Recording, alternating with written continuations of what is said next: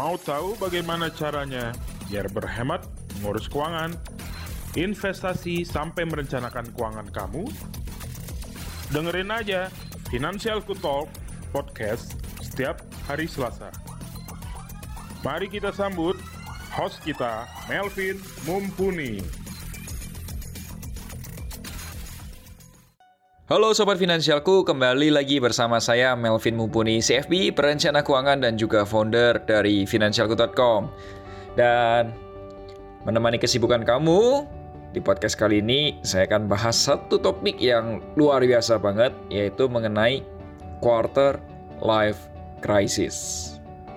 Apakah kamu pernah merasa galau luar biasa, kehilangan harapan, dan merasa, oh I'm stuck banget gitu dengan kondisi kerja sekarang ini.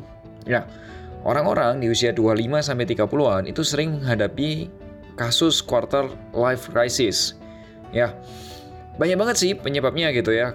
Bisa jadi ngomongin karena belum nemu pasangan hidup, ada ngomongin penghasilan, ada ngomongin karir, masa depannya nggak jelas, atau pekerjaan sekarang ini tidak sesuai dengan keyakinan, tidak sesuai dengan value hidup, dan lain sebagainya. Banyak banget lah intinya.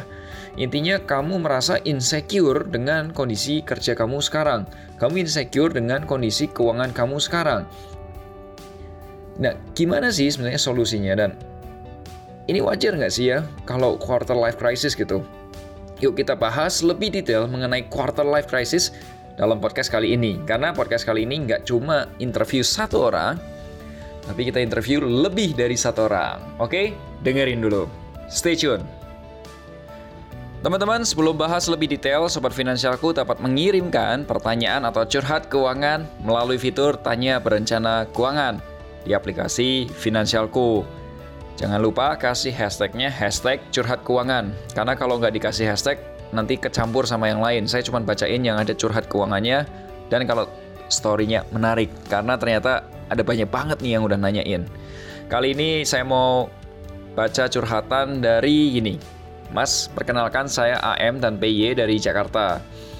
Kami adalah pasangan muda yang baru menikah bulan lalu. Awalnya saya tidak tahu mengenai Fintalk ataupun Financialku.com. Saya pertama kali dengar Fintalk Mas Melvin itu di mobil kami. Good.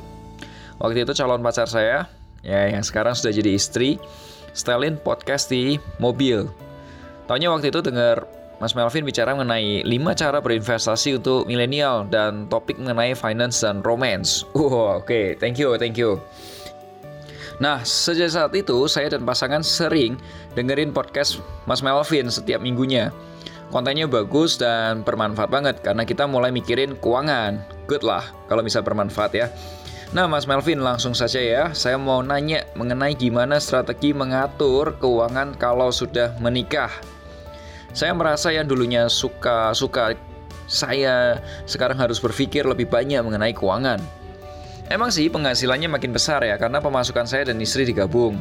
Tapi pengeluarannya ya juga besar, makin besar malahan. Saya dan pasangan belum berani nih berpikir punya anak karena ya biayanya besar mas kalau punya anak. Jadi enaknya gimana ya? Saya nggak pede gitu kalau harus punya anak sekarang ini, biayanya terlalu besar. Sorry mas curhatnya panjang, semoga bisa dibacakan di podcast episode selanjutnya dan saya senang sebagai pendengar setia mas. Semangat terus mas bikin podcastnya. Oke, tanggapan saya. Hai uh, eh, AM dan PY, congrats ya sebelumnya karena kalian sudah masuk ke live set yang baru, tahapan kehidupan yang baru yaitu pernikahan. Saya doakan supaya Mas AM dan Mbak PY bisa terus membangun keluarga yang bahagia dan kompak. Oke? Okay? Gini nih, ketika saya menemui klien-klien finansialku.com, saya sering memahami sebuah ketakutan mengenai keuangan dari banyak sisi gitu. Gue happy, saya happy dengar curhat Mas, karena Mas juga ternyata dengan podcast atau dengan konten yang saya buat ini di Spotify ternyata ada sesuatu yang punya manfaat lebih gitu. Nah, bicara mengenai keuangan, biasanya kita itu nggak lepas dengan ketakutan-ketakutan. Dan malah kal sering kali ya, ketakutan itu malah jadi toksik atau racun dalam pikiran gitu. Kalau kamu dengerin episode saya mengenai finance and romance, itu ada juga cowok-cowok yang merasa, aduh bahaya nih kalau misal income gua kalah sama pasangan gua gitu. Dan itu menjadi toksik gitu. Nah, kali ini saya akan coba jawab kekhawatiran Mas AM dan Mbak Miye dengan sudut pandang yang berbeda. Tentunya sudut pandang saya. Saya tahu sudut pandang ini belum tentu cocok buat semua orang, but let me share my view. Menurut saya, ketakutan yang dihadapi Mas AM itu sangat normal. Contoh yang saya mau highlight adalah ketakutan tidak berani punya anak karena belum siap secara keuangan. Ya saya tahu juga sih karena kalau punya anak itu biayanya nambah dan pasti mahal. Tapi kalau kita gali lebih dalam lagi, lebih deep lagi, apa sih yang nyebabin Mas AM ini merasa kok belum siap? Kalau Mas jujur jawabannya sebenarnya simple. Biasanya Mas lihat karena Mas lihat pemasukan Mas berapa, pemasukan Mbaknya berapa, pasangannya berapa, pengeluaran bulanan kalian berapa, apa yang sudah punya Anda kamu punya aset apa, rumah, kendaraan atau punya investasi ini, punya investasi itu. Nah, biasanya kalau itu belum ready, kamu merasa takut, kamu merasa nggak siap. Ya kan? Ada dua jenis pernikahan gitu. Yang pertama itu ketika kamu sudah merasa siap kamu menikah, maksudnya siap secara keuangan, ada juga yang kamu merasa oke, okay, pernikahan ini adalah awal dari perjalanan hidup gua dan pasangan. Dan kita akan memulainya setelah menikah. Nah, itu dua hal pendekatan yang berbeda ya, menurut saya. Mungkin di episode selanjutnya kalau ada narasumber yang cocok, saya akan coba wawancara mengenai hal itu. Nah, untuk keluarga muda seperti Mas AM dan Mbak P, saya punya 5 tips nih. Boleh dicatat atau boleh di-share juga ke teman-temannya. Semoga bisa bermanfaat ya. Coba kalian berdua duduk bersama melakukan financial health check up atau FCO. FCO ini tujuannya untuk mengetahui kondisi kesehatan keuangan kamu. Ibaratnya ini kamu yang merasa sehat, gak pernah sakit, kamu pergi ke lab, kamu cek darah kamu, tahu-tahu ada kolesterol, tahu-tahu ada asam urat. Nah, itu nggak akan ketahuan kalau kamu nggak pernah cek. Dan please, jujur, pada saat isi financial check up supaya kamu, kalian berdua, Mas AM dan Mbak PY, serta teman-teman, pendengar atau sobat finansialku benar-benar tahu kondisi keuangan kalian. Ya kalau sehat hadapin sehat. Kalau sakit ya hadapin sakit, kalau sekarat ya sekarat. Tapi you know the real condition. Oke, okay? kamu tahu faktanya seperti itu. Nah, setelah tahu seperti apa kondisi keuangannya, mulai melakukan perbaikan. Contoh, kalau rasio likuiditas kalian cuma satu kali aja, ya tambahin dong karena kalian sudah menikah ya paling nggak 9 kali lah dari pengeluaran atau pemasukan bulanan kalian. Nah kalau nih teman-teman sudah baca bukunya Make Up Plan, ya buku yang sudah saya tulis tentang keuangan, kalian dapat mulai dengan amankan keuangan kalian Ya mulai aja dulu dari membuat anggaran keuangan, catatan keuangan, dana darurat, beresin tuh utang-utang konsumtifnya. Kalau kamu kesulitan ya cobain aja gitu, pakai aja jasa perencana keuangan untuk bantu kamu mereview, jadi teman ngobrol. Jadi kamu ada satu orang yang netral gitu. Karena biasanya kalau suami istri ngobrolin keuangan nggak ketemu, ya.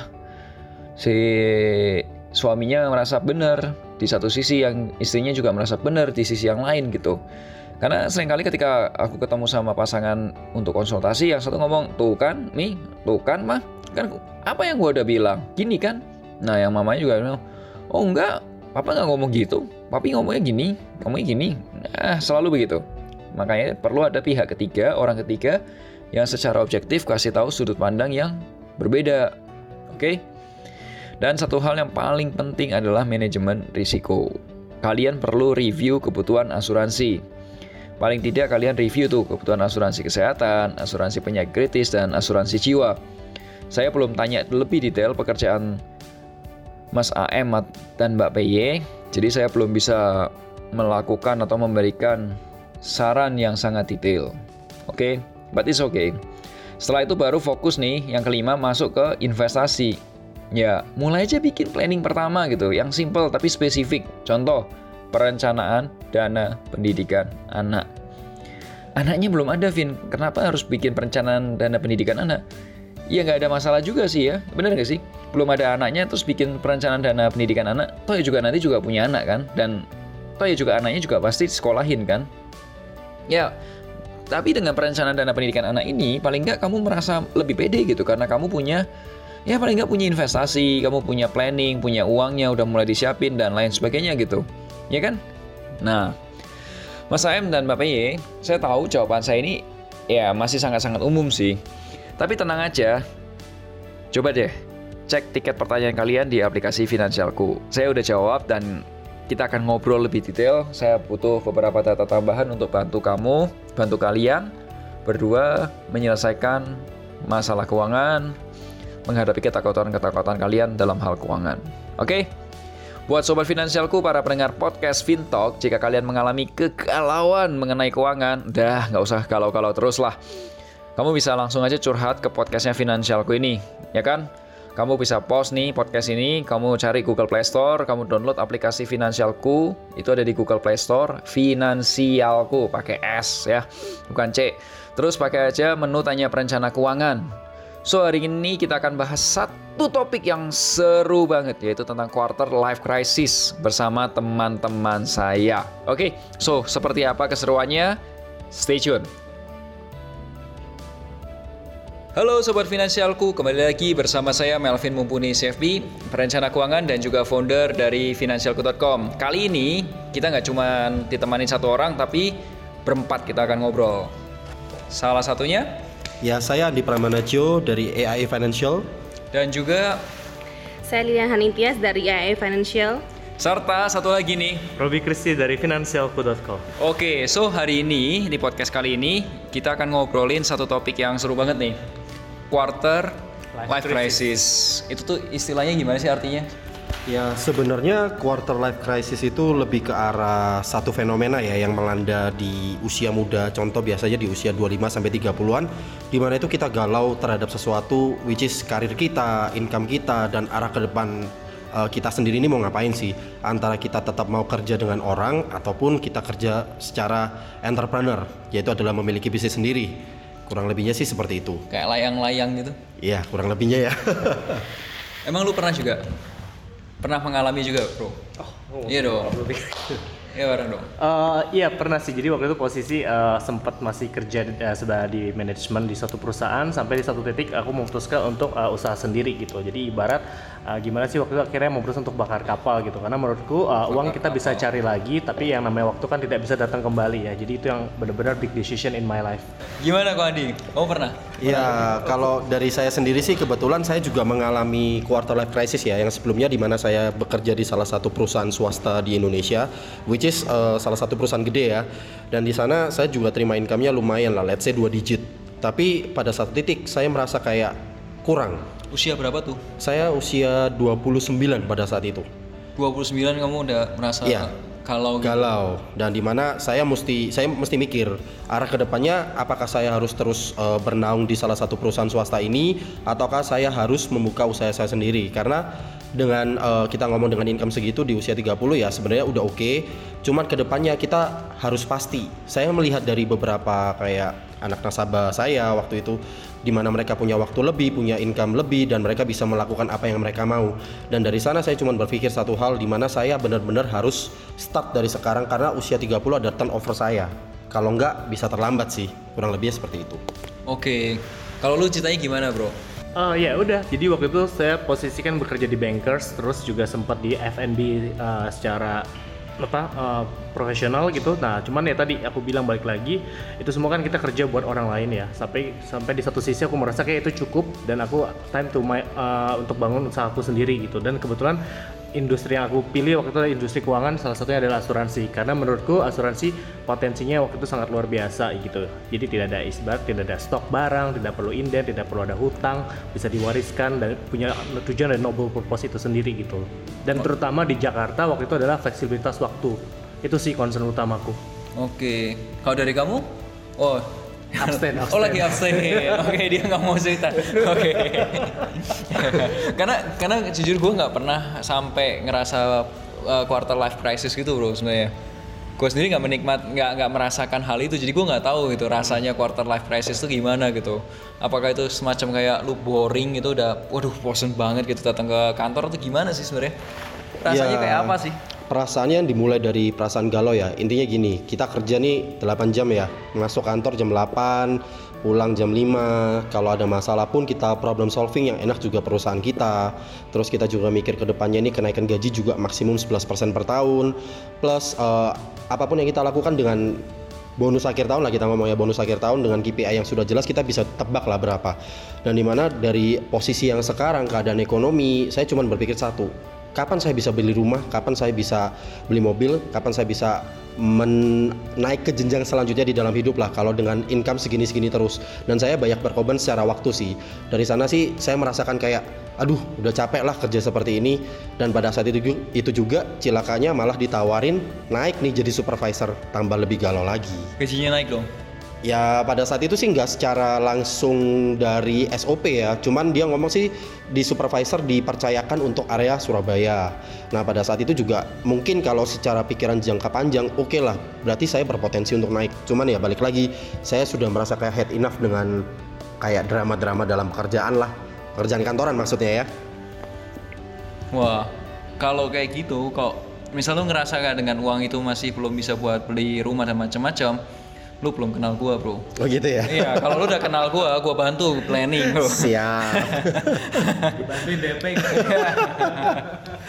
Rumah DP 0% ini ntar.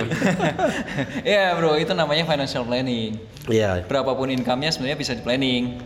Tergantung Betul, sebenarnya tergantung sih, tergantung lu spendingnya sih. Mm-mm. Nah, yang jadi masalah pertanyaannya adalah waktu itu gara-gara masalah duit doang, lu galau atau ada concern lain sebenarnya? Concern lain sih lebih ke waktu ya. Jadi kayak misalnya kita kerja 8 jam sehari udah habis di apa di kantor, kita nggak punya waktu untuk spend dengan keluarga tercinta dan segala dan segala teman-teman lah kita ngomong ya. Jadi eh, saya lebih concern ke sana juga karena saya butuh kebebasan waktu dan kebebasan income lebih tepatnya seperti Us, itu. wise banget. Oke. Gimana, Bro?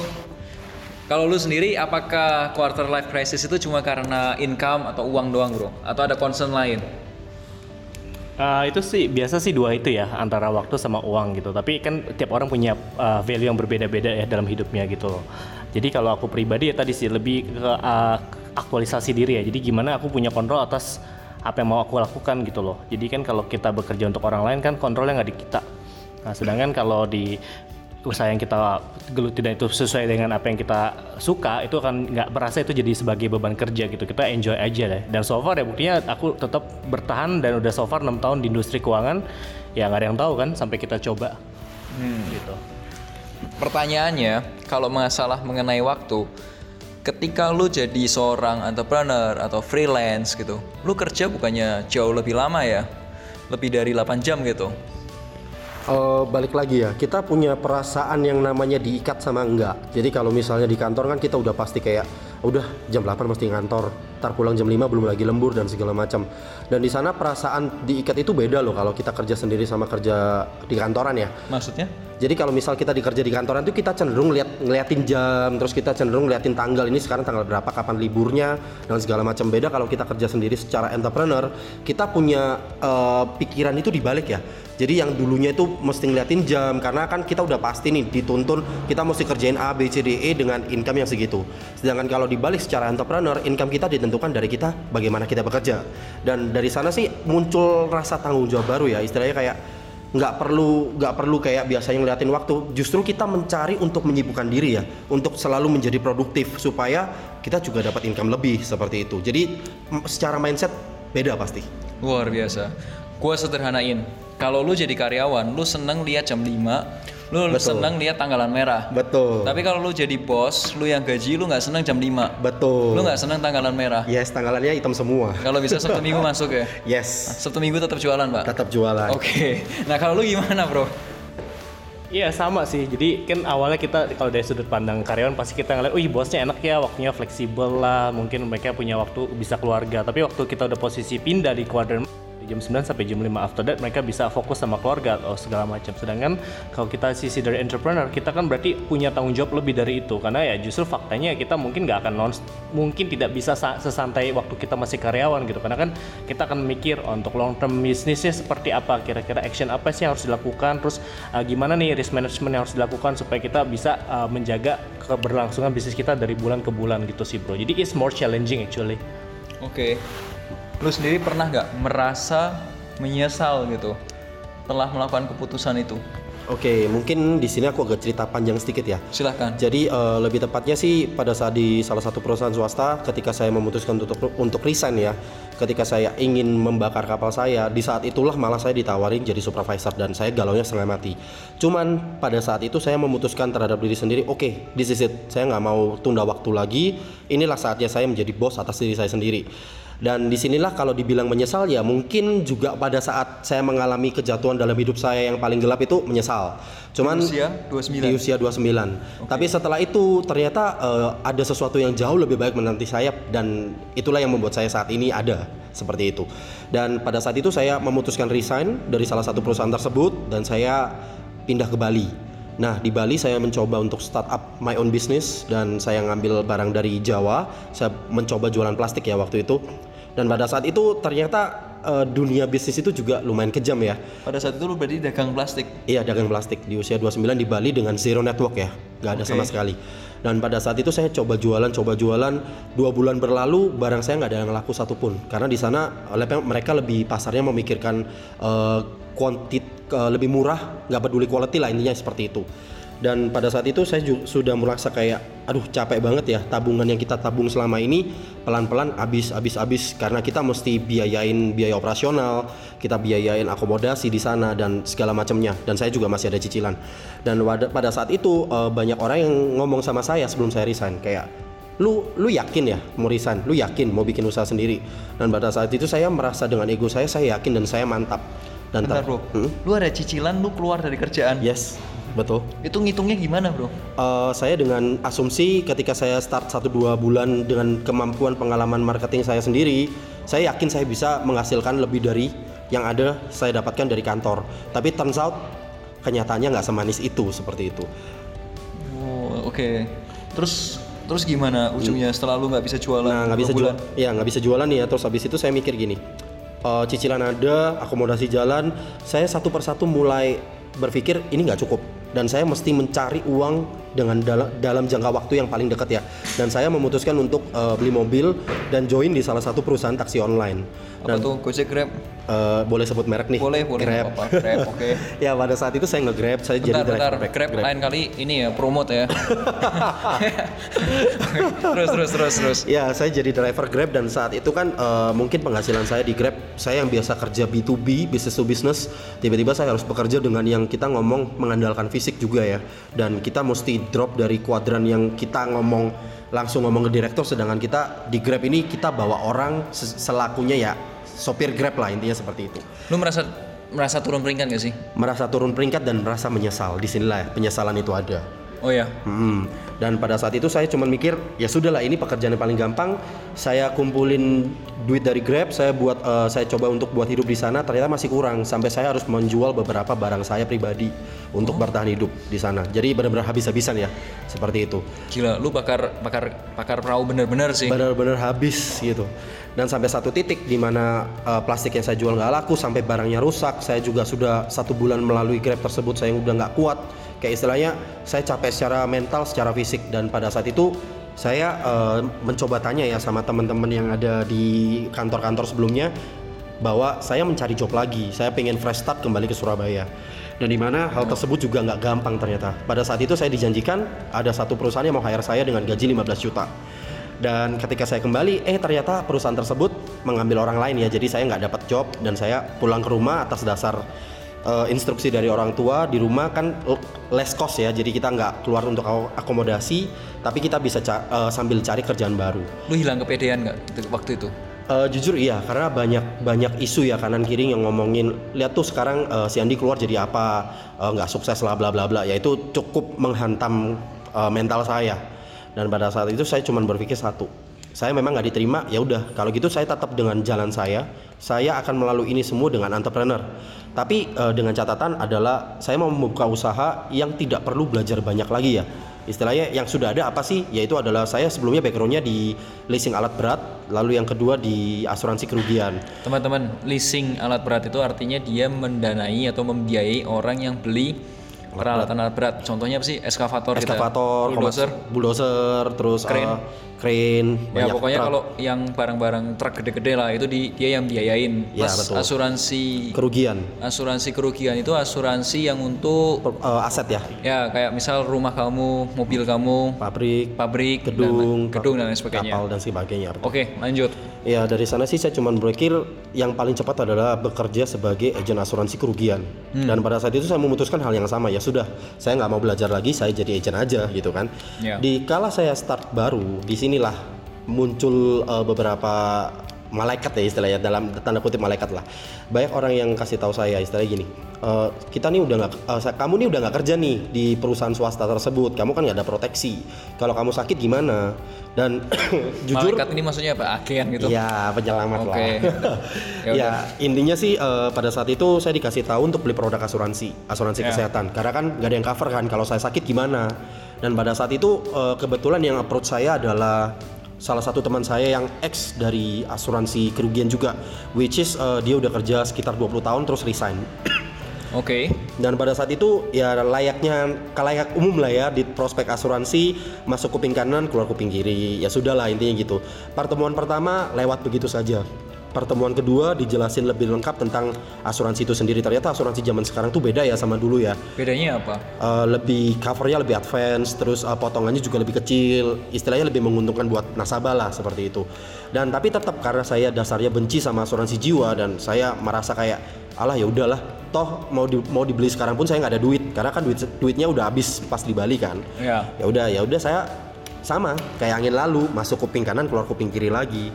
Terus yang pertemuan ketiga dia jelasin tentang kompetitor which is produk di AIA itu benar-benar oke banget kan. Saya lihat oh secara kompetitor dia oke, secara kekuatan perusahaan dia oke. Tapi tetap saya nggak join, saya pun nggak beli karena saya nggak ada pikiran untuk masuk ke bisnis asuransi jiwa kan.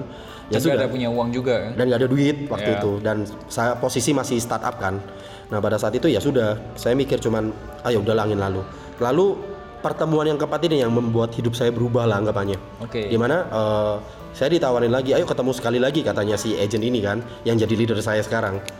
Dan dia cuma ngomong gini, ya udah eh, lu nggak punya duit buat beli, ya udah lu yang kerja aja dari hasil kerja lu lu beli asuransi lagi. Kerja dengan cara apa? Jadi agent. Dan pada saat itu di AIA tawarin salah satu program yang namanya FA. Dan sekarang ini programnya namanya ganti jadi Premier Academy ya. Dan dari sana saya cuma mikir gini, ini program ada financingnya, perusahaannya bagus, Financing itu gimana pak? Eh, dapat Gaji gitu. ya kasarannya ya kalau bahasa kerennya income lah guaranteed income ya, kalau kasarnya gaji lah cuman saya nggak boleh ngomong gaji sebenarnya Oke. ya jadi intinya saya di guaranteed income selama enam bulan jadi saya dapat income pasti plus dari komisi agent dan dari sana sih saya coba pelan-pelan ya. Saya coba masuk ke bisnis tersebut saya coba jalanin dan segala macam. Memang sih awalnya terkesan bisnis ini kurang kurang apa ya? Kayak bahasa kasarnya kayak tanda kutip mengemis ya. Tapi ternyata saya salah. Pada saat saya jalanin ini bisnis saya masuk ke program uh, FA dan saya menjalani ini ternyata semua itu beda. Dan sampai pada satu titik saya bertemu dengan salah satu nasabah yang benar-benar mereka appreciate tentang asuransi jiwa. Dan mereka bertemu saya tuh lebih kayak oh saya tertolong dengan produk ini bagus banget. Dan dari sana sih saya mulai kayak level of confidence-nya naik. Dan dari sana saya memperhatikan saya jalanin setahun saya banyak closing orang yang literally juga jualan asuransi dan dari sana saya dapat banyak feedback. Dan feedback feedback tersebut itu memban- membangun kayak apa ya moral ya moral itu apa ya PD lu naik lagi. PD lu naik nah PD gue naik lagi. Dan dari sana eh, saya berpikir kayak oke bisnis ini not bad loh ternyata. Dan memang beneran bisa dibuktiin waktu klaim dibayar kan Not notepad tuh notepad buat kantong lu atau gimana? Oh, dua-duanya lah dari kantong secara network bantu orang segala macam jadi bisnis ini bisa dibilang seperti Bro Robi tadi ngomong ya noble purpose-nya noble. kayak gitu Bahasanya tinggi banget ya. Jadi, jadi, jadi memang gue setuju sih sama Hmm. lu. Yang tadi lu bilang kayak itu kayak apa eh, mengemis ya. Iya. Gue selalu bilang sama tim gue sih, gini, kalau lu memandang lu selling dengan cara meminta tolong orang lain, itu memang jatuhnya kayak lu ngemis. Tapi once lu mengubah perspektif lu, ketika lu menjual suatu produk yang memang bisa bantu orang lain, solving masalah orang lain, ya itu nggak ngemis. Itu Betul. itu you win and I win, kita menang bersama. Bener. Dan itu yang bikin saya kayak merasa kayak apa ya? Dari awal saya jualan kan nggak pernah yang istilahnya saya minta tolong. Saya jualan selalu kayak eh, cocok beli, nggak cocok ya sudah. Saya nggak maksa karena saya sendiri nggak suka dipaksa seperti itu. Dan Anda tidak suka dipaksa. Iya dong. dan satu dan selama satu tahun tuh saya lihat benar-benar kayak ternyata kerja di asuransi selama setahun ya kerja literally kalau dibagi average dua jam lah sehari ketemu orang hahihi makan sana sini eh, kita ngobrol eh, kalau sudah pun closing ya eh, istilahnya kita sudah bantu orang dan dari perusahaan juga kasih kompensasi ke kita. Dan dari sana sih saya melihat luar biasa sih income dari bisnis ini. Dan saya kalau yang tadi dibilang menyesal kalau saya ngeliat kondisi saya yang sekarang saya benar-benar nggak menyesal. Karena satu saya punya kontrol penuh terhadap waktu dan juga income saya potensi yang unlimited. Dan saya benar-benar kaget bahwa kerja di asuransi 2 jam hasilnya itu bisa dua setengah kali lipatnya dalam setahun kerja di perusahaan swasta tersebut dan itu benar-benar luar biasa banget Tapi kan stresnya lebih double, Pak. Ya, tapi ketika kita enjoy melakukan hal ini, istilahnya kayak compassion ya. Kita kan kerja pakai passion dan pakai hati ya. Kalau udah digabung jadinya compassion, itu semuanya kita nggak stres kayak istilahnya kerja itu kayak mainan. Serius? Kayak bermain serius. Oke. Oh, jadi jadi jadi ini adalah eh, kayak ibaratnya itu tempat yang lu enjoy gitu ya. Biasanya dua tahun kan udah pengen resign. Nah, kali kali ini nggak nggak tertarik ya? ini udah dua tahun nggak pengen resign masih tetap terus lanjut. Berarti kalau kalau gua tawarin di finansial aku nggak mau nih. hmm, nanti itu ngomong lagi sama bos ya. itu tergantung seperti Oke. apa. Terus bro, Ya, kurang dari lo, oke lah. Nih dari yang dari yang ini deh berdua deh berdua ya berdua. Gue pengen tahu dong. eh kalau dari lu pernah nggak sih merasa menyesal gitu? Tadinya kerja kantoran jadi tidak kantoran gitu karena alasan quarter life crisis. Uh, so far sih puji Tuhan uh, I'm blessing ya. Jadi uh, gue benar-benar happy dengan posisi yang sekarang, kondisi yang sekarang, uh, terutama waktu ya. Jadi apalagi gue suka traveling ya dengan kontrol waktu di, di gue. Jadi gue bisa anytime bisa travel gitu loh. Jadi yang saat orang lain kerja ya gue mungkin bisa traveling. Jadi ya poinnya ya gak harus bayar tiket mahal ya. Itu sih. Jadi lu kerja pengen tetap jalan-jalan atau gimana ini? ya nggak, intinya gue punya aktualisasi diri kan gue suka travel makanya kan kalau gue kerja kantoran kan gue mesti ngurus cuti lah gue mesti matchingin jadwal pengganti orang yang bisa gantiin dan segala macam gitu loh nah kesedangkan concern gue kan ya kalau sekarang bisnis di gue sendiri kontrol waktu semua ada di aku gitu loh jadi aku bisa menentukan kapan pun aku mau pergi ya tinggal pergi sih Oke. Mm-mm. pertanyaan gua terakhir tuh biasanya gini orang yang eh, quarter life crisis atau apa pun lah itu istilahnya biasanya itu kan karena orang bosen kan Mm-mm. dengan rutinitas gitu yes dia udah betul. bosen gitu race sebenarnya kalau orang itu break seminggu Mm-mm. balik ke kantor lagi Mm-mm. itu quarter life crisisnya hilang gak sih bisa ya bisa enggak sih tinggal dia harus tahu value dia apa dulu kadang ada orang yang dia berat banget nih pak ngomong value Iya dong, value Iya. hidup bro. Oke, gitu. oke. Nah kita harus sisi dari sisi sudut pandang wanita nih kayak. oh iya oke gimana nih Gimana ibu Lili? Iya. Oh ternyata dia masih belum mau bicara. Dikip sendiri ceritanya. Oh di sendiri. Oke ya udah. Nanti pantengin aja Instagramnya dia. Oke. Kalau dari lu gimana bro? Hmm, kalau dari saya sih tergantung balik lagi ya bisa ya bisa enggak tergantung orang tersebut itu eh, istilahnya kita kan punya yang namanya willingness ya Ya. willingness kita arahnya ke mana jadi kalau memang orang tersebut kayak kena kayak eh, apa ya istilahnya galau sesaat mungkin bisa sembuh tapi kalau saya pada saat itu saya sudah nggak bisa karena kondisi saya yang menentukan ka- kayak ini. Ke depannya saya kalau memang mau ikut orang ya ikut orang terus. Saya nggak akan bisa pindah karena usia bisa terlambat. Tapi kalau saya pada saat itu sudah mikir nggak bisa saya harus sekarang. Kalau nggak saya terlambat. Nah itu yang bikin saya nggak bisa. Mau di break seminggu sebulan tetap balik ke kantor itu pikirannya pengen bikin, bikin bisnis sendiri. Jadi penasaran. Saya tipikal orang yang kayak nggak kesandung nggak belajar kayak gitu Oke. jadi susah dikasih tahu kayak gitu lah Berarti kalau nggak kotor nggak belajar ya? yes Oke, betul udah nggak so, ya. Oke, Unilever tolong dia. boleh Oke, so guys, kali ini udah terakhir dari penghujung podcast kita. Gua mau tahu nih, kalau dari lu sendiri ada nggak ya pesan atau apalah ya is- eh, pendapat lu lah opini lu mengenai teman-teman yang sekarang ini masih mengalami quarter life crisis. Ya intinya sih gini, kalau kita dalam menentukan langkah ya jangan sampai salah langkah. Saya sih waktu waktu itu termasuk salah langkah, cuman puji Tuhan ternyata Tuhan masih sayang sama saya dan dikasih jalan lah. Dan ketika melakukan itu, eh, melakukan untuk mengambil langkah, diket- perlu diketahui satu hal karena hal-hal besar terjadi di luar zona nyaman. Itu sih kayak Di gitulah. luar zona nyaman ya. Betul. Kayak lagunya siapa itu? Wah, saya nggak tahu deh. Oke. Kalau dari lu gimana, Bro?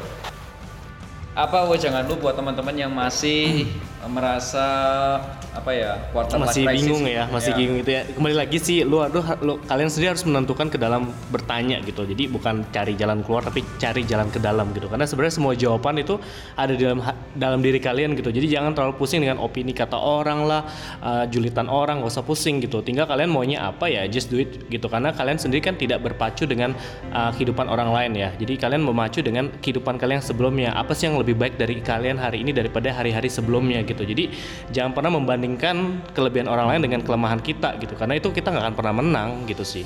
Oke, begitu ya. Iya, Waduh, iya berat banget nih. Gimana Bu? Ada ada ada saran? Oh belum ada. Oke. Ketawanya aja tuh. Oke oke oke. Nanti spoilernya spoilernya ketawanya dia ya.